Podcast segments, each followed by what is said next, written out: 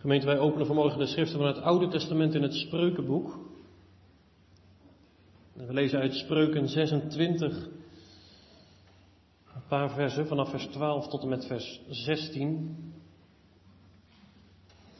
En dat zijn spreuken over een luiaard. En als we straks dan die gelijkenis lezen van die drie knechten die alle drie talenten krijgen van hun meester, dan zien we dat er eentje lui blijkt te zijn. Al had hij er voor zichzelf een goede reden voor. Dat excuus dat hij ook nog probeert aan te dragen als die meester terugkeert. Maar hij wordt ontmaskerd als een lui mens, een slecht mens, die voor zijn meester niets over heeft. En daarom lezen we ook die versen uit Spreuken 26, vanaf vers 12. Daar luidt het woord van de Heer. Hebt gij een mens gezien die wijs in zijn ogen is? Van een zot is meer verwachting dan van hem. De luiaard zegt, er is een felle leeuw op de weg. Een leeuw is op de straten. Een deur keert om op haar herre, op zijn scharnier. Alzo draait een luiaard zich om op zijn bed. De luiaard verbergt zijn hand in de boezem. Hij is te moe om die weer naar zijn mond te brengen. Dat vers kun je ook iets anders vertalen en dan is het iets duidelijker. De luiaard steekt zijn hand uit naar de schotel, naar zijn bord, neemt daar eten van, maar hij is te moe, te lui om die weer naar zijn mond te brengen. De luiaard is wijzer in zijn eigen ogen dan zeven die met reden antwoorden. Dan openen wij de schriften van het Nieuwe Testament in het Matthäus-evangelie. We lezen uit Matthäus 25.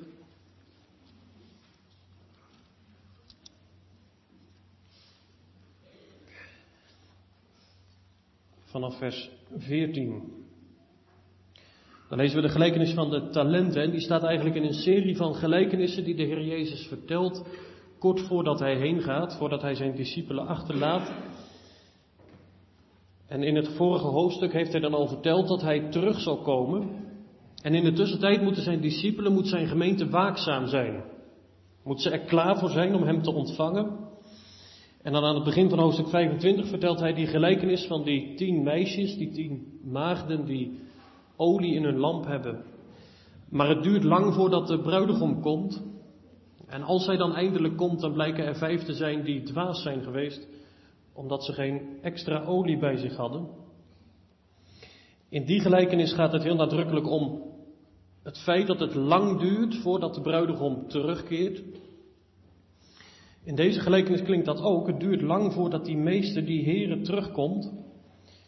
Maar dat is hier niet het belangrijkste punt. Maar daar zullen we het in de preek verder over hebben. Matthäus 25 lezen we vanaf vers 14. Daar luidt het woord van de Heer.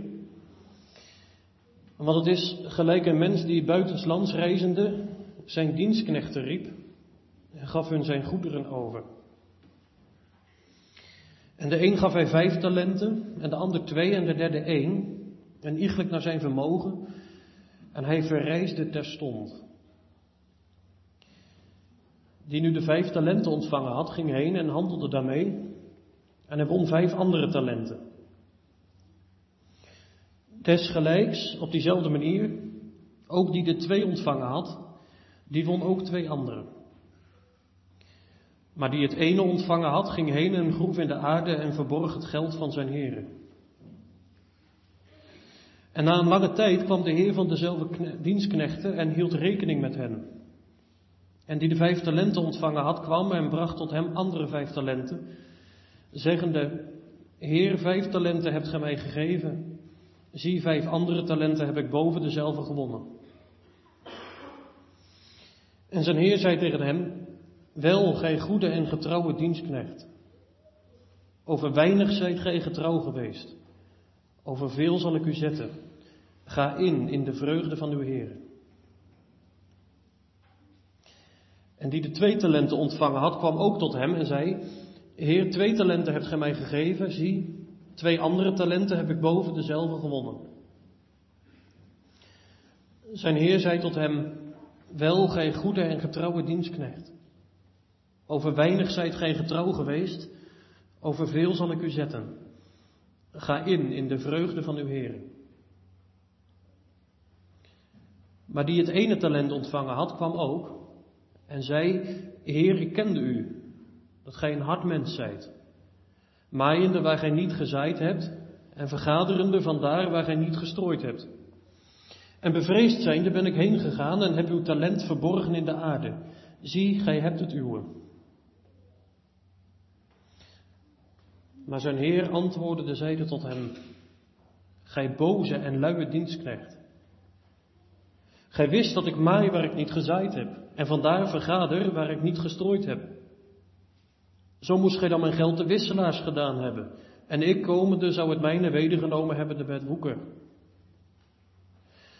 Neem dan van hem het talent weg en geef het aan degene die de tien talenten heeft.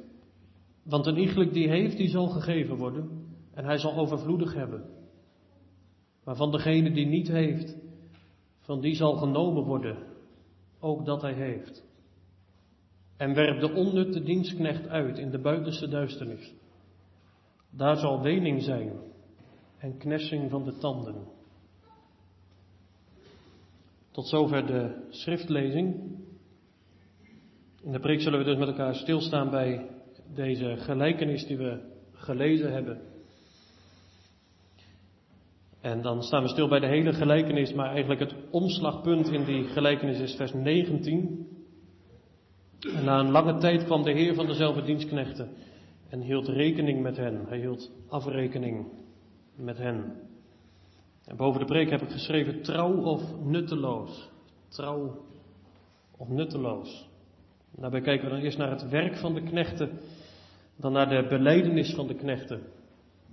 En daarna naar de beloning voor de knechten. Dus het werk van de knechten, de beleidenis van de knechten. En de beloning voor de knechten. Gemeente, toen ik nog op de basisschool zat, gebeurde het wel eens dat de meester of de juf even de klas uit moest. Bijvoorbeeld om iets te kopiëren of om even iets te overleggen met een andere meester of juf. Ja, wat gebeurt er dan in de klas als de meester of de juf even weg is? Nou, dat verschilde nogal eens. Eigenlijk, toen ik hierover na zat te denken, eigenlijk had dat vaak te maken met de vraag hoe we eigenlijk aankeken tegen die meester of tegen die juf, wat we van hem of haar vonden. We hebben een paar jaar een meester gehad die best streng was, maar eigenlijk vond iedereen hem aardig. Nou, als hij even weg was, er gebeurde heus wel eens wat, maar over het algemeen werd er gewoon doorgewerkt. Maar ik heb ook wel eens in de klas gezeten bij een juf met wie we eigenlijk allemaal niet zo heel veel hadden. Nou, als die de klas uitging, dan was het meteen gedaan met werken. Eigenlijk was dan aan het gedrag van de klas te zien wat we met elkaar van die meester of van die juf vonden. En misschien herken jij het ook wel op de middelbare school. Een docent die niet zo goed orde kan houden, met wie je niet zo heel veel hebt. Nou, dan gaat het vaak minder goed in de klas. Dan wordt minder gewerkt dan bij die docent waar je wel wat mee hebt. Zoiets zien we vanmorgen ook in deze gelijkenis. De daden van deze mensen laten iets zien van hun hart, van wat ze van die meester, van die heren vinden. De Heer Jezus vertelt deze gelijkenis in de week vlak voordat hij gevangen genomen wordt. Kort voordat hij zal sterven, kort voor dat moment ook dat hij heen zal gaan, terug zal gaan naar zijn vader en zijn gemeente, zijn discipelen hier op aarde zal achterlaten. Ja, hij zal heen gaan, maar totdat die dag aanbreekt. Die ene dag waarop hij terug zal komen en de dag aanbreekt van de afrekening. Nou, als je dat nu in gedachten houdt bij deze preek, bij deze gelijkenis, dan begrijp jij denk ik ook meteen wel dat de Heer Jezus het over zichzelf heeft als hij deze gelijkenis aan zijn discipelen vertelt. Een verhaal over een man die naar het buitenland vertrekt die lange tijd wegblijft, maar na die lange tijd weer terugkomt naar huis en dan afrekening houdt met zijn knechten. Nou, je hoort nu direct, dat gaat over de Heer Jezus. Nou, wat vertelt hij dan over die man? Nou, die man gaat dus naar het buitenland en het lijkt erop dat hij nogal plotseling, nogal gehaast vertrekt. Er worden niet veel woorden gewisseld, snel roept hij zijn knechten bij zich en hij verdeelt zijn goederen, zijn geld onder hem. Ja, daar moet je goed op letten, hij geeft het niet zomaar weg, hij geeft het hun in beheer. Ze krijgen het in bruikleen. Zij moeten op dat geld passen in de tijd dat hij naar het buitenland is. Maar kijk eens goed naar wat die man doet. Hij moet een haast grenzeloos vertrouwen hebben gehad in die knechten. Want het gaat niet zomaar om een klein beetje geld. Nee, het is een onvoorstelbaar bedrag.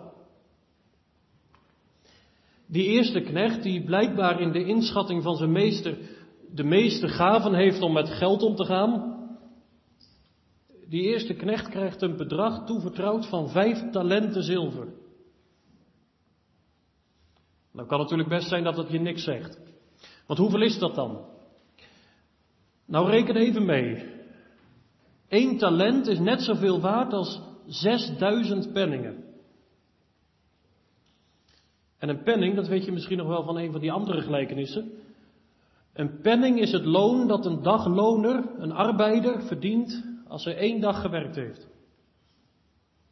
De heer Jezus vertelt ergens een andere gelijkenis van die mensen die in de wijngaard gaan werken. En sommigen beginnen s ochtends vroeg al, die werken de hele dag. En in de loop van de dag komen er steeds anderen bij, die allemaal maar korter werken natuurlijk dan die eerste. En als de dag dan voorbij is, worden ze allemaal uitbetaald. En allemaal krijgen ze hetzelfde, ze krijgen allemaal één penning. Alsof ze één dag gewerkt hebben. Nou, op die gelijkenis ga ik nu verder niet in, maar dan weet je weer, één penning krijg je als je één dag gewerkt hebt. Nou, dus als één talent nou 6000 penningen waard is, dan betekent dat dat je voor één talent 6000 dagen moet werken. Dat is bijna 20 jaar. Nou kijk dan nog eens, want die eerste knecht die krijgt vijf talenten in zijn beheer. Het loon voor 100 jaar elke dag werken. Een bedrag dat hij dus in zijn leven nooit had kunnen verdienen. En voor dat bedrag moet hij nu gaan zorgen. En je begrijpt wel, dat is een hele verantwoordelijkheid. Moet je nagaan als hij alles kwijtraakt. Of als het gestolen wordt. Of als hij ermee gaat handelen en hij verliest alles. Dat zou niet best zijn, want hij zou het van zijn levensdagen niet kunnen terugbetalen. Nou dan die tweede knecht, die krijgt twee talenten. Dat is natuurlijk wel een stuk minder, maar alsnog een enorm bedrag. Ook hij heeft een grote verantwoordelijkheid gekregen van zijn meester. Maar waarom krijgt hij nou minder? Waarom verdeelt die meester het nou niet eerlijk over die drie knechten? Nou, kijk eens in vers 15. Hij verdeelt die talenten en dan staat er een iegelijk naar zijn vermogen. Dus die meester ziet daar die knechten voor zich staan. Hij maakt een inschatting. Wie zou er het beste met dat geld om kunnen gaan? Die krijgt het meest. En dat is dus die eerste knecht, die vijf talenten krijgt toevertrouwd. Nou heeft die meester dus ook wel vertrouwen in die tweede knecht. En daarom krijgt hij twee talenten toevertrouwd. En dan die laatste knecht, hij krijgt er één.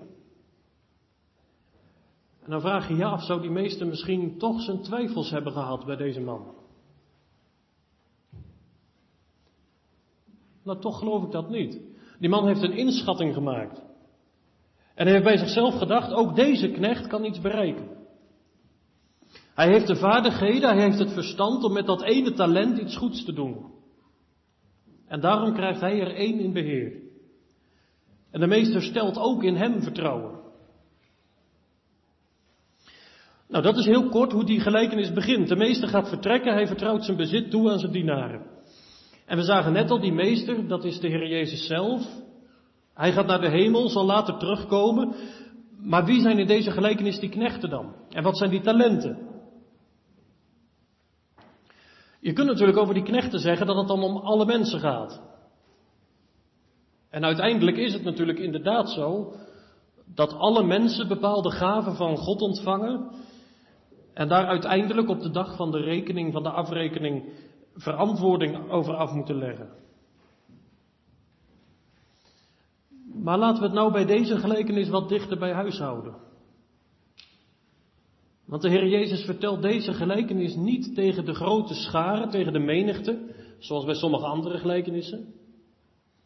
Maar in een besloten kring vertelt hij deze gelijkenis tegen zijn twaalf discipelen. Tegen de kerk van die tijd. Dus die knechten in deze gelijkenis, dat zijn de mensen die beleiden dat ze bij Jezus horen. Ja, alle drie worden deze mannen knechten genoemd, dienstknechten. Je kunt ook vertalen slaven. En alle drie spreken ze die meester aan met heren. En met die uitspraak beleiden ze dus, laten ze zien dat ze zich onderwerpen aan hem, dat ze inderdaad zijn dienstknecht zijn, zijn slaaf. Nou, dan zie je toch wel dat de Heer Jezus in deze gelijkenis in de eerste plaats tegen en over de kerk spreekt. Over zijn gemeente. Zijn gemeente die ook net als heel de wereldbevolking uit twee soorten mensen bestaat. En daar gaat het in deze gelijkenis nu om. Dat de kerk uit twee soorten dienaren bestaat. Allemaal mensen die beleiden dat Jezus de Christus is, dat Hij hun Heer is. Allemaal mensen die talenten ontvangen hebben. Maar toch is er een scheiding in de gemeente omdat de ene groep anders met die talenten omgaat dan de andere groep. Nou, dan moet je natuurlijk wel weten wat er met die talenten bedoeld wordt. En dat is wel belangrijk om goed te begrijpen, want hier kun je heel gemakkelijk de mist ingaan. Het woord talent is namelijk nogal verwarrend. Kijk, in ons dagelijks spraakgebruik hebben we het over getalenteerde mensen als iemand ergens in uitblinkt. Als mensen bepaalde gaven hebben waardoor ze ergens erg goed in zijn. Dus als jij bijvoorbeeld heel goed bent in rekenen, nou, dan kan het best zijn dat iemand daarover zegt dat je daar een talent voor hebt. Of als je heel creatief bent en anderen kunnen dat zien met handvaardigheid of bij tekenen. Nou, dan zien ze dat je daar talent voor hebt. Of nog iets anders, iemand wordt een getalenteerd politicus genoemd als hij goed kan debatteren, als hij overtuigend is. Nou, nu kunt zelf de voorbeelden wel aanvullen, er zijn er nog veel meer te noemen. Maar dat is dus niet waar het hier over gaat. Kijk nog eens een keer naar dat ene zinnetje in vers 15. Die meester verdeelt zijn acht talenten over zijn knechten naar hun vermogen. Dus hij kijkt eerst naar de gaven die ze hebben, naar waar ze goed in zijn, naar hun talenten, zoals wij zouden zeggen, en vervolgens verdeelt hij zijn geld over hen. Dus de talenten in deze gelijkenis, dat kan niet gaan over die dingen waar je goed in bent. Nee, de Heer blijkt dus zijn talenten uit te delen afhankelijk van de gaven die iemand heeft, van waar je goed in bent, waar je geschikt voor bent. Nou, je kunt die talenten dan ook heel breed opvatten. Je kunt zelf zeggen, die talenten, dat gaat om alles wat je van God krijgt. Ik las ergens, een talent is alles waarmee je God kunt verheerlijken. Een talent is alles waarmee je God kunt verheerlijken. Alle mogelijkheden, alle ontmoetingen die je hebt, alle gaven, alles wat je kunt gebruiken om de naam van de Heere groot te maken. Nou, als we dan vandaag staan aan het begin van een nieuw seizoen winterwerk, dan kun je ook denken aan de ontmoetingen op de clubs, op de zondagschool, de ontmoetingen die je hebt met de kinderen, met de jongeren van de gemeente. Wat doe je ermee?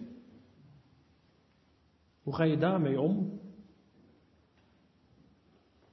En jullie jongens en meiden, als je op de club komt en op de zondagschool en je luistert naar de Bijbelvertellingen, wat doe je daarmee? En als je gaat zingen met elkaar, zing je dan tot de eer van God of om aan anderen te laten horen hoe mooi en hoe hard je kunt zingen? Talenten die God gegeven heeft tot zijn eigen verheerlijking. En de categorisaties beginnen ook weer. Een stuk of twintig avonden om meer te leren over God, over zijn dienst. Ook dat is een enorme verantwoordelijkheid. Want van alles wat we doen, Alles wat we zeggen, wordt straks verantwoording gevraagd. En dan al die keren dat hier in de kerk het woord verkondigd wordt. Allemaal gelegenheden om de Heer te zoeken, maar wat doe, je, wat doe je ermee? Wat doet u ermee? Al die keren dat God zichzelf wil laten zien, zich wil laten kennen. Wat gebeurt ermee? En je ziet wel in deze gelijkenis ook dat je met die talenten op heel verschillende manieren om kunt gaan. Die eerste twee knechten, ze gaan hard aan het werk met die talenten die ze van hun meester ontvangen hebben. Zodra hij vertrokken is, gaan ze aan de gang. Ze beseffen heel goed, zelfs al heeft die meester er niets over gezegd, ze beseffen heel goed dat ze met dat geld ook een taak, een verantwoordelijkheid gekregen hebben. Ze drijven handel met dat geld, dat geld dat ze mogen beheren, en het levert flink op ook. Al die tijd dat die meester weg is, en dat blijkt een lange tijd te zijn, al die tijd zijn ze aan het werk met zijn geld. Zijn ze bezig met zijn zaken. Nou, dat gaat dan dus om christenen die, christenen die beleiden dat Jezus Heer is, die ook beseffen dat ze daarmee een verantwoordelijkheid hebben voor zijn eer, voor zijn koninkrijk. De verantwoordelijkheid, de taak om bezig te zijn met de dingen van dat koninkrijk. Om te zoeken naar mogelijkheden om Hem te verheerlijken. Maar die andere knecht die gaat heel anders te werk. Hij heeft die zak met geld aangepakt. Maar in plaats van het voorbeeld van zijn twee collega's te volgen, pakt hij het heel anders aan. Graaft een gat in de grond, uiteraard op een plaats waar niemand hem ziet. En daar in de grond verstopt hij het geld. Kijk, als je geld wilt bewaren, is dat best slim. In die tijd waren er eigenlijk maar twee opties om je geld relatief veilig te bewaren. Het in beheer geven bij een betrouwbare buurman. Of het ergens begraven. Kijk, tegenwoordig zet je het op de bank en dan heb je weinig risico, maar in die tijd was dat heel wat anders. Die banken die bestonden eigenlijk nog niet op die manier zoals we ze nu kennen. Die wisselaars waar die meester het later over heeft, dat is allemaal zo zeker niet. Dat brengt ook een risico met zich mee. Net zo'n risico als die andere twee knechten genomen hebben. Door ermee te handelen. Maar deze knecht kiest voor zekerheid. Hij stopt het onder de grond. En zo, zo kan er met dat geld niets gebeuren. Ja, maar dat blijkt nu juist het probleem te zijn. Zo kan er niets mee gebeuren. Maar er had wel iets mee moeten gebeuren. Want dit geld was niet bedoeld om vruchteloos onder de grond te liggen. Dit geld dat moet beheerd worden. De meester heeft het met een reden aan die knecht gegeven. Hij wil dat het geld wat heeft opgeleverd, dat het vrucht heeft gedragen als hij straks terugkomt. Dat zijn investering wat oplevert. Zo is het met de Heer. Hij geeft ons talloze mogelijkheden. Talloze gelegenheden om Hem te verheerlijken. Om mee te werken aan de uitbreiding van zijn koninkrijk. En deze gelijkenis draait om de vraag: wat we daar nu mee doen. God wordt verheerlijkt als wij oprecht tot Hem bidden. God wordt verheerlijkt als wij door het onderzoeken van Zijn woord meer leren zien van wie Hij is. Die talenten heeft Hij ons in ieder geval gegeven. En wat doe je met die talenten? Wat doe jij met je Bijbel? En hoe gebruik je je tijd? Kijk, die laatste knecht, die wordt er straks niet op afgerekend dat hij het geld van zijn meester verkeerd gebruikt heeft. Dat hij er verkeerde dingen mee heeft gedaan. Er wordt met hem afgerekend omdat hij er niets mee heeft gedaan. Dat is het aangrijpende. Dat er straks als Christus terugkomt om te oordelen. Dat er dan mensen worden veroordeeld niet omdat ze de Bijbel misbruikt hebben, maar omdat ze de Bijbel helemaal niet gebruikt hebben. Dat de Bijbel dicht bleef liggen op hun nachtkastje.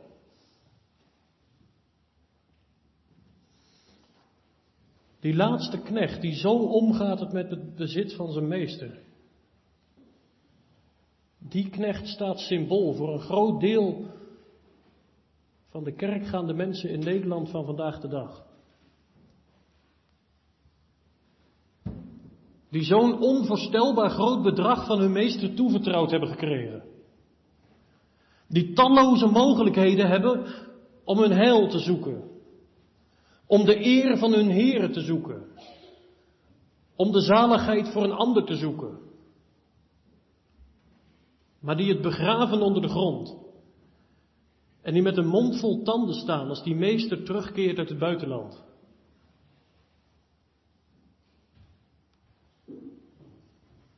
Zo komen we bij dat omslagpunt in die gelijkenis. Die dag van de rekening, waarbij die knechten hun beleidenis uitspreken. Ik noemde al, en ook in deze gelijkenis wordt benoemd dat het lang duurt voordat die meester terugkomt. En daar gaat dus die vorige gelijkenis met name op in, van die vijf wijze en die vijf dwaze meisjes. Het duurt allemaal veel langer dan gedacht. Maar in deze gelijkenis wordt er dus niet zozeer de nadruk op gelegd dat het allemaal zo lang duurt. Maar het gaat veel meer om de vraag wat die dienstknechten in de tussentijd hebben gedaan. Heel plotseling is hij daar. Zouden ze hem die dag nog verwacht hebben? Misschien zijn ze wel gestopt met er rekening mee te houden. Het duurde immers zo lang.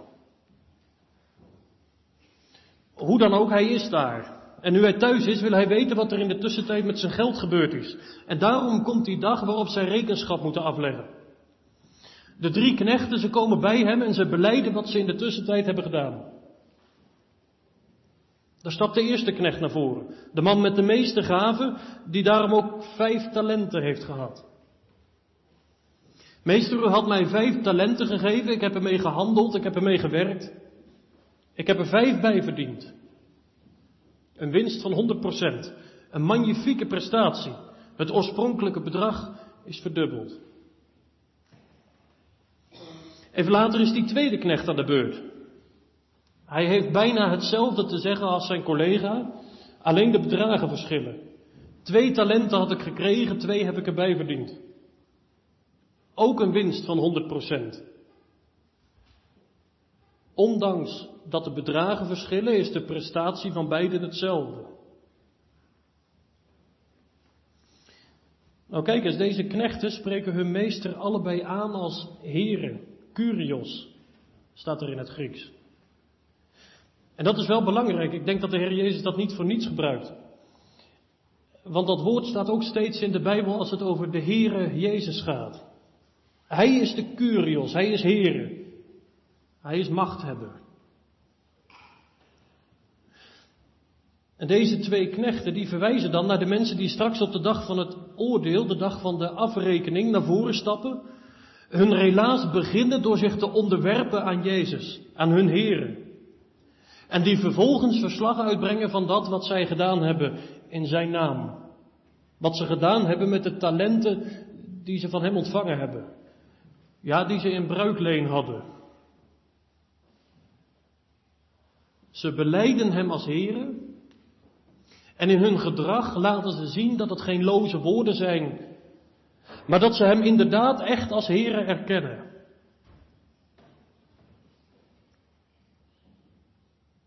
Hoe is dat bij u? Kijk, alleen al uit het feit dat u naar de kerk gaat, denken de mensen om u heen dat u een dienstknecht van Christus bent. En misschien beleidt u dat letterlijk. Dat is wat je beleidt als je zondag 1 naspreekt. Hè? Dat je niet van jezelf, maar het eigendom van Christus bent. Is dat ook te zien in uw leven? Kijk, want het blijkt niet al te moeilijk te zijn om te zeggen dat Jezus Heer is. Tenminste, in onze situatie levert dat eigenlijk geen gevaar op. Maar hoe is het met het hart? Daar draait deze gelijkenis om. Kijk eens naar die derde knecht. Hij staat nu klaar om rekenschap af te leggen. Hij staat er ook met zilvergeld in zijn hand. Luister eens goed, hij begint op dezelfde manier. Ook hij noemt zijn meester heren. Maar als het uit zijn mond komt, is het een loos woord. Hij zegt dat hij een dienstknecht van de meester is. Maar in de tussentijd heeft hij daar niets van laten merken.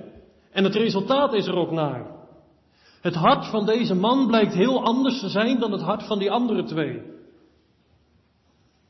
En met deze gelijkenis laat de Heer Jezus een voorbeeld zien, een plaatje bij wat hij eerder gezegd had in de bergreden. Niet iedereen die tegen mij zegt, Heere, Heere, zal ingaan in het Koninkrijk der Hemelen.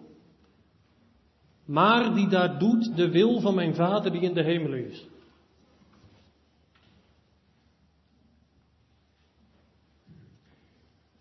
Bij die eerste twee knechten gaat hun beleidenis samen met liefde en trouw. Met loyaliteit aan hun heren. Maar deze man, die derde knecht, hij heeft zichzelf al die tijd zoet gehouden met een slap excuus. Hij heeft zijn geweten gesust met een slechte smoes. Hij vond zichzelf best slim. Kijk, als ik mijn geld nou hier in de grond stop, dan kan er niks misgaan. Maar pas op, als een luiaard zichzelf slim vindt. Daarom lazen we ook uit het spreukenboek. Hebt u een man gezien die wijs is in eigen ogen? Van een zot is nog meer verwachting dan van hem. En ook de luiaard is wijzer in eigen ogen dan zeven die met reden antwoorden. Een lui mens heeft altijd wel een smoes. Nog zo'n voorbeeld van wat we lazen. De luiaard die ligt op zijn bed te verkondigen dat er buiten leeuwen op straat lopen. En dat is dan zijn reden om maar veilig in bed te blijven liggen. En de smoes van deze luiaard is dit. Ik kende u. Ik kende u en ik weet dat u een hartmens bent. U maait waar u niet gezaaid hebt. U vergadert, u verzamelt daar waar u niet gestrooid hebt. Maar misschien bedoelt hij het niet letterlijk, maar is het spreekwoordelijk. Het gaat om iemand die anderen uitbuit. Een ander zaait, hij komt om te oogst. Een ander is aan het wannen. Dat is wat er met het tweede deel van die uitspraak wordt bedoeld. En bij dat wannen, daar wordt het geoogste graan in de lucht gegooid. En dan komt het zwaardere koren komt weer naar beneden. Dat wat je hebben wil en het nutteloze kaf, dat is lichter, dat waait weg in de wind. Dat harde werk laat deze man aan anderen over, maar hij komt zelf voor de winst. Dat is de smoes van deze knecht. Zijn meester is een hard mens. Je kunt dat woord ook vertalen met genadeloos. Zo ziet hij hem. Dat is zijn excuus. In plaats van eerlijk te zijn en zichzelf te beschuldigen, beschuldigt hij zijn meester. En hij bedoelt ermee, het risico was te groot. Stel je nou voor dat ik ging handelen met dit ene talent en ik zou alles verliezen. Daar was ik bang voor. En daarom heb ik het maar veilig weggestopt. Kijk maar, hier heeft u uw geld weer terug.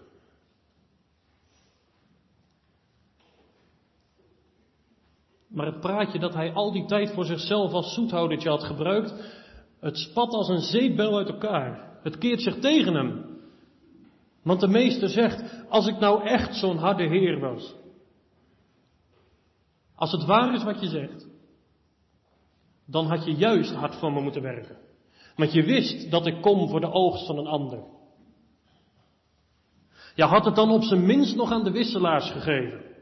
Ik zei al, dan had hij ook een risico genomen, maar dan had die man nog terug kunnen komen met de verwachting van rente. Maar ook dat risico heeft deze man niet durven, niet willen nemen. Nee, deze knecht heeft op zeef gespeeld. Althans, dat is zijn eigen verklaring. Maar het gaat natuurlijk veel dieper. In zijn gedrag heeft hij laten zien dat hij ontrouw is. Dat hij niet wil werken voor zijn meester. Want waarom zou je gaan werken? Hard gaan werken. En het geld uiteindelijk afstaan aan een ander. Nee, deze man heeft geen greintje liefde voor zijn meester. Die man tegen wie hij wel zegt, heren.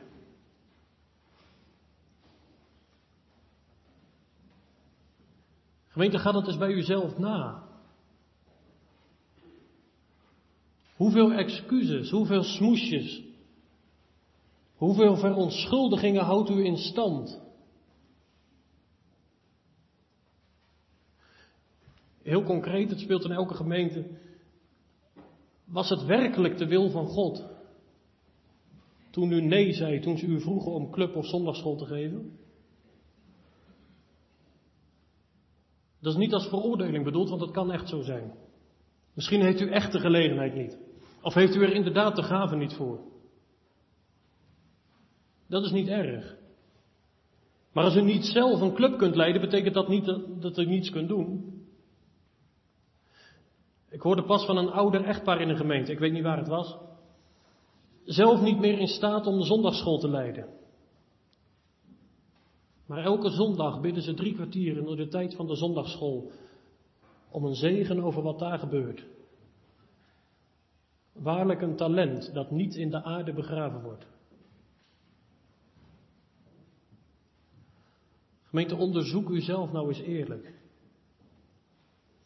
Ga er niet bij voorbaat van uit dat er in uw leven geen slechte excuses zijn, want als u uzelf kent, dan weet u dat u ook een arglistig hart heeft. Dat er steeds weer meer dan genoeg redenen zijn om die talenten, die gelegenheden die de Heer ons geeft, om die te verbergen onder de grond, om er niets mee te doen. Redenen die ons geweten sussen, maar die geen stand houden als ze ontmaskerd worden op de dag van het oordeel.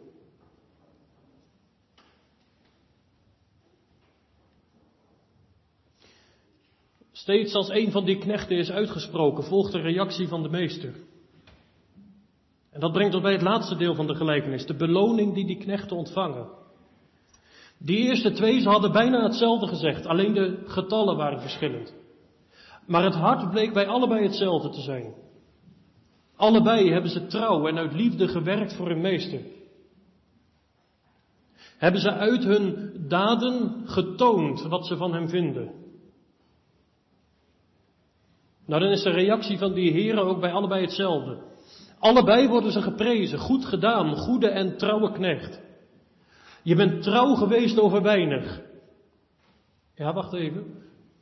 Hoort u dat? Allebei hadden ze de verantwoording gekregen over enorme bedragen. In onze tijd zou je zeggen, ze hadden een miljoenenbedrag in beheer gekregen. En nu zegt die meester, over weinig bent u getrouw geweest. Over veel zal ik u zetten. Nu blijkt ineens dat al die talenten in de ogen van die heren maar weinig zijn. En zo is het bij de heren. Hij deelt onvoorstelbaar veel uit, overvloedig. Maar bij alles wat hij bezit is het maar weinig. Nou, uit de reactie van de meesten blijkt wel dat het hier inderdaad gaat om het hart. Dat het niet gaat om de hoeveelheid winst die ze hebben behaald.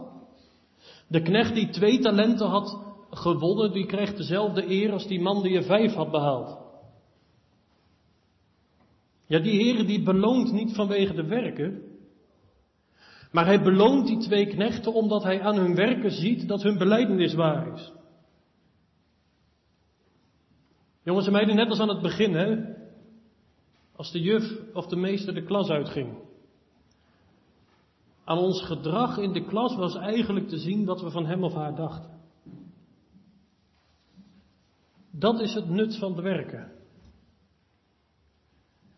Het is onmogelijk dat iemand die door een waar geloof in Christus is ingeleid, eigendom van Christus is geworden, dat die geen vrucht zou dragen. Dat bestaat simpelweg niet. In hetzelfde gedeelte dat ik net al aanhaalde, Matthäus 7, de bergreden. De Heer Jezus wijst zijn discipelen erop dat je ware gelovigen kunt herkennen aan hun vruchten. Nou, het wordt dus zichtbaar in je leven. Als het zover komt dat je werkelijk buigt voor Christus, dan kan het niet anders of het is te zien. Dan kan het niet anders of je draagt vrucht, of je behaalt winst met de talenten die je ontvangen hebt. En weet u, daar haalt God zijn vreugde uit. Daar haalt God zijn vreugde uit als zijn dienstknechten vrucht dragen. En ziet u nu wat daar gebeurt op die grote dag? Die knechten die trouw zijn geweest, die hun meester veel vreugde opleveren, zij mogen delen in die vreugde.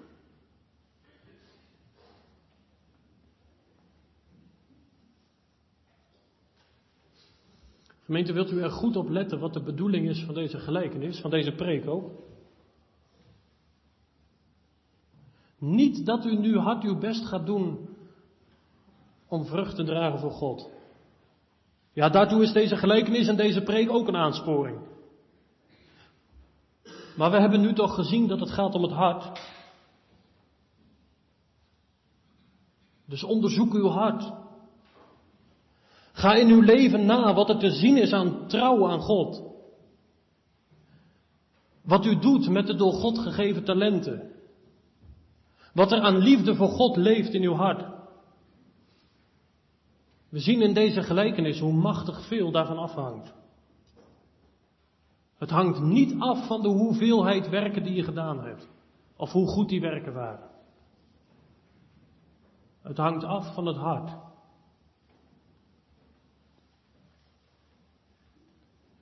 Ben je nou echt knecht, dienaar of dienares van Christus geworden? Zijn eigendom? Dan weet u ook dat u alleen maar zijn eigendom bent. Doordat hij uw ziel met zijn kostbare bloed gekocht heeft. Dan kan het toch niet anders volgen dan liefde en trouw. Nee, ik weet het niet altijd. Nog veel te vaak worden er talenten begraven. Had er meer gedaan kunnen worden om God te verheerlijken? Schieten we tekort? Wat zal dat een verwondering zijn als dan ondanks al die gebrekkigheid gezegd wordt, wel goede en getrouwe dienstknecht, ga in, in de vreugde van uw Heer.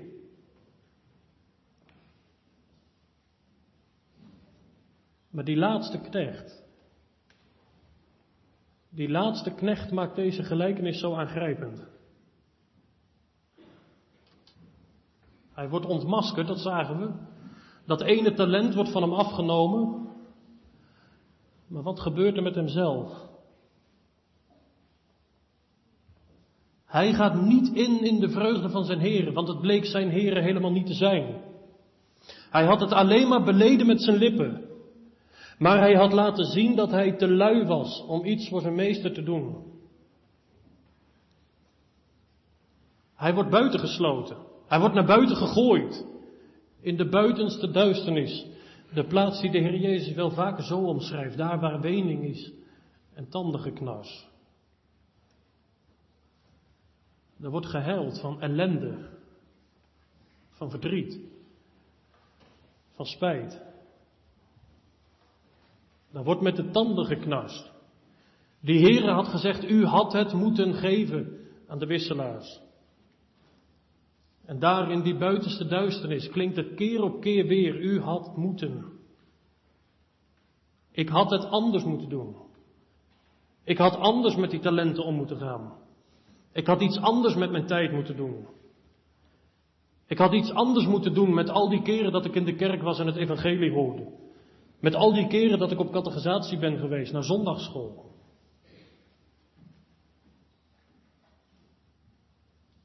Gemeente, de tijd die je nu hebt. De gelegenheid die je nu hebt. Die komt niet terug. De Heer is nu te zoeken. De Heer is nu aan te roepen. Maar morgen, lange tijd is hij weggebleven, veel langer dan iemand had gedacht. Bijna komt hij terug. Wanneer precies? Dat weet ik niet. Ik weet wel wat Hij van ons vraagt in de tijd die ons rest. Hem te zoeken, Hem te dienen, trouw voor Hem te leven, heel je hart en je leven aan Hem geven. Ja, want die leven van genade, die rechtvaardig verklaard zijn door het geloof in Christus, die groeien. Ze zien hun wasdom steeds vermeerderen. En zij die rechtvaardig zijn door het bloed van Christus, zij zullen vruchten dragen. Vruchten waar God vreugde in vindt. Vreugde die Hij wil delen met zijn trouwe dienstknechten. Amen.